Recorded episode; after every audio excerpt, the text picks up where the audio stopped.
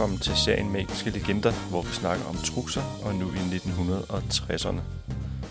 Parret besøgte dyrehandler Krav i Kastrup i 1962, og i privaten havde han en flot amazon papegøje som trukser snakkede med. Alt imens handlede direktør Lars Nygren fra Furuvik i Sverige elefanter, løver og chimpanser til sine forestillinger. Papegøjen var normalt ikke glad for fremmede, men Trukser havde god kontakt med den. Trukser blev fristet, eller nærmere lokket, til at købe papegøjen – efter 14 dage var den tam nok til at sidde på hans finger, men først efter tre måneder kunne Gulli nærme sig. Den begyndte så småt at snakke, og da Volmer Sørensen kom på besøg en dag, sagde den, Dag Volmer. Den havde hørt navnet ofte, og nu kunne den både huske og udtale det. Da Volmer Sørensen og hans kone, Grete Sønk, var gode venner af parret, var den opkaldt efter Volmer. Det kom der meget sjov ud af.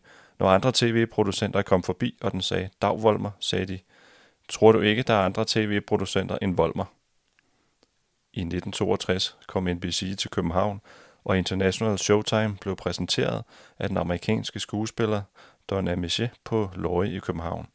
Efter prøverne blev parret inviteret til middag af programmets leder, Joseph Cates, og Truxer efterspurgte kontrakten, som de ikke havde fået endnu. Den skulle de nok få senere, sagde Cates.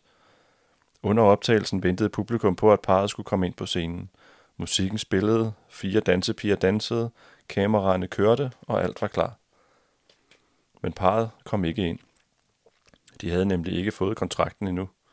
Da showet ikke kunne begynde, blev kontrakten pludselig trullet frem af Kates, og parret lavede et indslag, der blev vist i USA, Japan, Australien, Kanada og flere andre lande. Det havde amerikanerne dog ikke med i kontrakten, og Truxa kunne ikke gøre andet end at tage til USA og køre en sag der, men det gjorde han altså ikke. Det ville alligevel være for kostbart. Fra 1963 producerede det finske tv-selskab Tesvision flere udsendelser med Truxeshowet, og det var med Lasse Malmlund bag roret. I 1963 lavede producerne Ben Fabricius Pierre og Marianne Drews tv-udsendelsen Træfpunkt Telebar i Berlin med undertitlen Besuch aus Copenhagen. De andre gæsteartister var den kongelige ballet, skuespillerne Preben Ulebjerg og Kate Mundt, sangerinden Birte Wilke, violinisten øh, Wendy Torik og den danske vokalgruppe Blue Boys. Gulli og Truxa stod bag den lange bar i skræddersyede bartenderkostymer og var gennemgående figurer i programmet. Der blev tryllet med flasker og drinks, og da Truxa opdagede både Tuborg, vodka og Aalborg snaps under bardisken, blev der tryllet drinks frem i stor stil til alle gæsterne i studiet. Nervøsiteten hos gæsterne forsvandt hurtigt, og det blev et lystigt program fra Berlin, ifølge Truxa. I 1963 havde Volmar Sørensen skrevet tekster til hele tre sange til Melodikonkurrencen i Tivoli, og kunne ikke opholde sig i glassalen. Derfor var Volmar inviteret hjem til Gulli og Truxa, hvor nervøsiteten overmandede ham som aftenen skred frem. Gulli serverede beroligende whisky den ene tog den anden, og efter at have hørt saluten Skål, Volmer, flere gange i løbet af aftenen, gentog papegøjen Skål, Volmer, hver gang der var fest i stuerne fremover. Gulli og Erik havde ingen børn, men papegøjen var deres barn. Truxer havde altid holdt mere af dyr end af børn. Papegøjen talte både dansk og svensk, da den hørte begge sprog dagligt. Når de kørte bil, sad den på skulderen, og når en politihelikopter nærmede sig, sagde den advarende, Ksh! så de kunne nå at sænke hastigheden. Da Volmer Sørensens sejr stod klar, blev han ringet op af tv-studiet, der bad ham stå klar om en time til hyldest på scenen foran snorende kameraer og publikum, der inklusiv seerne hjemme i stuen, bestod af cirka 3 millioner mennesker. Dengang havde man ikke computere til at optælle stemmerne, og programmet trak ud og varede hele aften. Gulli fik travlt med at hælde en kande kaffe på Volmer, altså Sørensen, ikke papegøjen, og ganske rigtigt vandt Grete og Jørgen Ingman med dansevise. Sangen var den første duet, der vandt sangkonkurrencen. Til hyldesten på scenen kunne Volmer dårligt stå på benene. I forbindelse med sejren i 1963 indspillede Grete og Jørgen Ingman også dansevise på engelsk med titlen I Loved You. Og her kan vi se et foto udlånt af Cirkusmuseet, hvor Truxa og Kulli er afbildet med papegøjen Volmer på Truxas hånd. På Volmer Sørensens 60-års fødselsdag havde Truxer fået fremstillet en unik gave – en vinylplade med optagelserne af Eurovision Song Contest 1963 med dansevise, både fra det danske og det engelske fra London, komplet med pointafgivning. Med på optagelsen var også dramaet i London, hvor Luxembourg får afgivet for mange stemmer, for at Grete og Jørgen Ingman kan hyldes som vinder. Til sidst kommer en dedikeret hilsen på LP'en til Volmer fra Truxa med lovprisning af hans person og ønsker om et langt venskab. Pladen var en unik gave, der dengang må have krævet en særlig indsats at få lavet, og regnes i dag for en hellig gral blandt MGP-fans. Irene Hansen fra Danske Cirkusvenner besøgte Truxer ofte de sidste 10 år af hans liv og husker denne anekdote. Volmer og Truxer var sindssygt gode venner og nogle spasmager, og da Truxer havde købt et flot lysegråt sæt kjole og hvidt med høj hat i 70'erne til et svensk tv-program, fik Gulli en mørkerød velurkjole. Volmer kommer forbi parrets hus og ser det nye tøj. Nej, var det flot, og jeg skal have en lysegrå smoking på i Cirkusrevyen til sommer, og jeg har ikke fundet en høj hat endnu. Kan jeg ikke låne din? Det må han da gerne, svarer Truxer, da, der, da det er sommer, og øh, Truxer skal alligevel have noget andet tøj på i folkeparkerne. Volmer glemmer dog at aflevere hatten, og da han dør i 1982, tænker Truxer, kan vide, hvad der egentlig blev af min høje hat. Men han vil naturligvis ikke spørge Inken Grete Sønk, da hun var i dyb sorg. Så det løb lidt ud i sandet. Indtil 1993, hvor Revymuseet åbner, og hvor jeg arbejdede i syv år. I en billedartikel i et ugeblad står der, at Grete Sønk har foræret Revymuseet den første genstand, nemlig Volmers høje hat. Da Truxer så artiklen, sagde han, Nå, nu er min høje hat kommet på museum.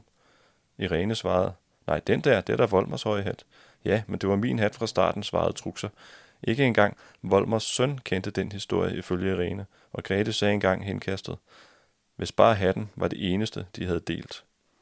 Og den udtalelse var en hentydning til, at den yngre pige, Vanja, havde haft en affære med Volmer, inden Truxer flyttede sammen med hende i 1978. Og det kan vi høre mere om i kapitlet om 1970'erne. The show must go on, også når man er syg. Gulli var pladet af lungebetændelse flere aftener, da Stilommer havde booket parret på ABC-teatret, men optrådte alligevel. En aften måtte hun dog bukke under, og lægen forbød hende at gå på scenen. Da de næste dag skulle optræde på en showboat, der sejlede mellem Frederikshavn og Jødeborg, fik Truxa arrangeret forbindelse til Gulles sygeseng via radiotelegrafisten på skibet, og showet kunne afvikles alligevel. Parret turnerede med International Harvester, da Volmer Sørensen holdt sit fødselsdagsshow i Tivolis koncertsal – der blev oprettet en linje fra koncertsalen i København til Åben Rå, men lyden forsvandt fra højtalerne under afviklingen af showet. Publikum kunne ikke høre Gullis svar i tankelæsningsnummeret. sig undskyldte, hvorefter en herre fra publikum rejste sig og sagde, det gør ikke noget, vi ved, I kan det. I 1965 medvirkede parret første gang i Lennart Hyllands underholdningsudsendelser, Hyllands Hørne. Det blev til tre udsendelser med parret plus shows rundt i Sverige, blandt andet i Koncerthuset i Göteborg og på Stadsteateren i Malmø. I Nykøbing havde hyggede parret sig en aften med verden på Store Hotellet. De lavede sjov med hinanden og indgik et vedemål over et emne, som de havde forskellige meninger om. Verden tabte og skyldte dermed parret en frokost næste dag. Da de mødtes, ville han ikke sige, hvor de skulle spise, og tog i stedet parret med på en gåtur ud i byen, hvor der var børnehjælpsoptog i gaderne. Verden foreslog, at de lige skulle kigge på optoget, og da en vogn med Store Hotellets logo passerede, inviterede verden parret op i vognen. Der var dækket fint bord med tjener, bar, hovmester samt et tremandsorkester. Optoget skulle lige til at starte, og verden sagde, jeg tabte frokosten, vær så god, der er serveret. Og vognen kørte gennem hele byen under frokosten, og folk hilste overalt fra vinduerne og råbte, velbekomme og skål. I et program til dansk tv optrådte Truxer som Dr. Jekyll og Mr. Hyde, og Gulli som stramtandet husholderske, sminket til ukendelighed. Scenografien bestod af sydende bobler i kemikobler, skeletter og en skævrykket bottler med klumpfod, spillet af skuespilleren Bjørn Spiro. Truxer oplevede udviklingen inden for tv og film på tætteste hold og forsøgte at vise tricksene i et langt klip og forhindre klip i midten af et nummer, da publikum troede, at der blev snydt med kameratricks. Seerne vidste jo godt, at alt var muligt med kameratricks. Og her kan vi se et foto udlånt af Cirkusmuseet med Bjørn Spiro og Truxa i gang med denne her sketch.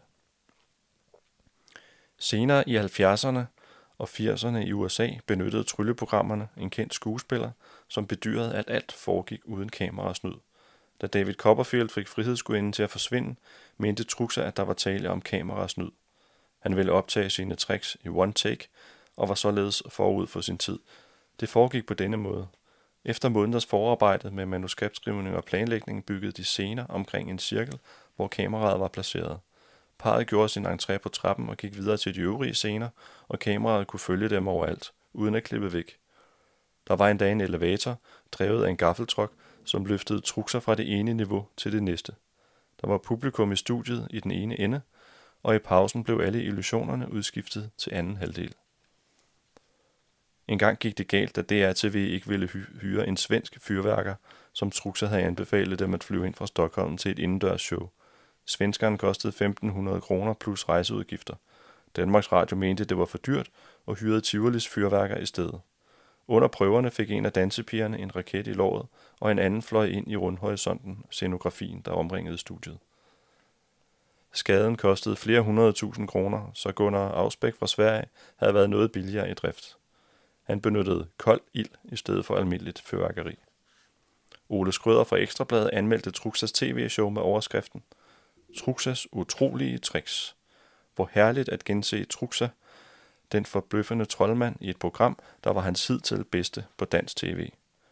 Truxa har charme, hans kone er fænomenal, det hele er få på svindel, og så forbløffende lavet, at man gang på gang spørger sig selv, om det er løgn eller sandhed. Truxas måde at køre numrene på er enestående taskenspillerkunst på højeste plan. Jeg fryder mig over hans fremragende og uforklarlige numre. Jeg ved, han er en fup og fedusmær, men han må alligevel være elev af fanden selv. For 200 år siden var han og konen enten blevet brændt eller gjort til hertuger. I dag er de tv- og varietistjerner, som kan få selve direktøren for Rådet for Større Færdselssikkerhed, Ulrik Durlu, til åbenhjertet at gå med på spøgen. Den slags er helt rigtigt. Vi skal aldrig tro, at vi ikke tror det, vi ikke tør tro på. Det gør Durlu heller ikke, og det gjorde vi andre heller ikke efter det mageløse møde med en stor troldkunstner. BT skrev under overskriften, Truxer burde lære tv at blande kort. Truxer var aftenens store lyspunkt. Det var fremragende underholdning. Truxer er vist ikke særlig villig til at lære fra sig, men han burde nu have benyttet lejligheden til at fortælle vennerne i Gyngemosen, altså DRTV, hvordan kortene skal blandes. Det forstår han og ser overført betydning. Han har tv-tække, både når det drejer sig om at sælge sig selv til skærmen, og sin magi fra samme. Jeg husker ikke, om det er 50 eller 100 tv-udsendelser, han har haft, men jeg tvivler på, at nogle af de foregående kan have været bedre. Hvis han og Fuguli kan få nogen til at lave en engelsksproget udgave af aftens program, vil selv en sælger, der ikke har truksers overnaturlige evner, have let ved at afsætte varen på det internationale marked. BBC ville have parret med i The Weekly Show og sendte repræsentanter til Danmark hjem hos parret til planlægningsmøder. Den første var produceren Stuart Morris. Den anden BBC-mand, der kom på besøg, ændrede alt det, som den første havde planlagt, og den tredje ændrede alt det, som den anden havde planlagt. Ifølge kontrakten skulle BBC sende biler til Leeds for at hente bagage og rekvisitter til tv-showet, samt udbetale en tredjedel af honoraret. Der var kun en lille bil til alt deres happengud, og forskud var der ikke noget af. Det var på en søndag, de ankom til London. Det meste var lukket, og Truxers hold var sultne. Uden forskud var der ingen penge at spise for. De tog til Piccadilly, hvor Truxa kendte en god kinesisk restaurant. Pigerne fik lov at bestille, hvad de havde lyst til, og det gjorde Truxa også. Med deres gode humør underholdt de hele restauranten og personalet, og til sidst sagde Truxa, jeg vil gerne betale regningen, men jeg kan ikke. Tjeneren kiggede måbne på Truxa og hentede chefen. Han var overbærende, og da han forstod, at Truxa fik penge næste dag for sin medvirken på BBC, fik han lov til at betale ved næste besøg. Og de kom igen flere gange. En aften inviterede chefen dem endda på en bytur. Det lykkedes at få optagelserne i kassen, og Truxa erfarede, at forrige uges gæst var ingen ringere end sangerinden Barbara Streisand fra USA. Parret var gode venner med direktør Harry Nord fra et hotel i Karlskrona, da de havde optrådt der flere år i træk. En af direktørens slægtninge hjalp til på hotellet. Det var Fred Åkerstrøm, der senere blev en kendt troubadour.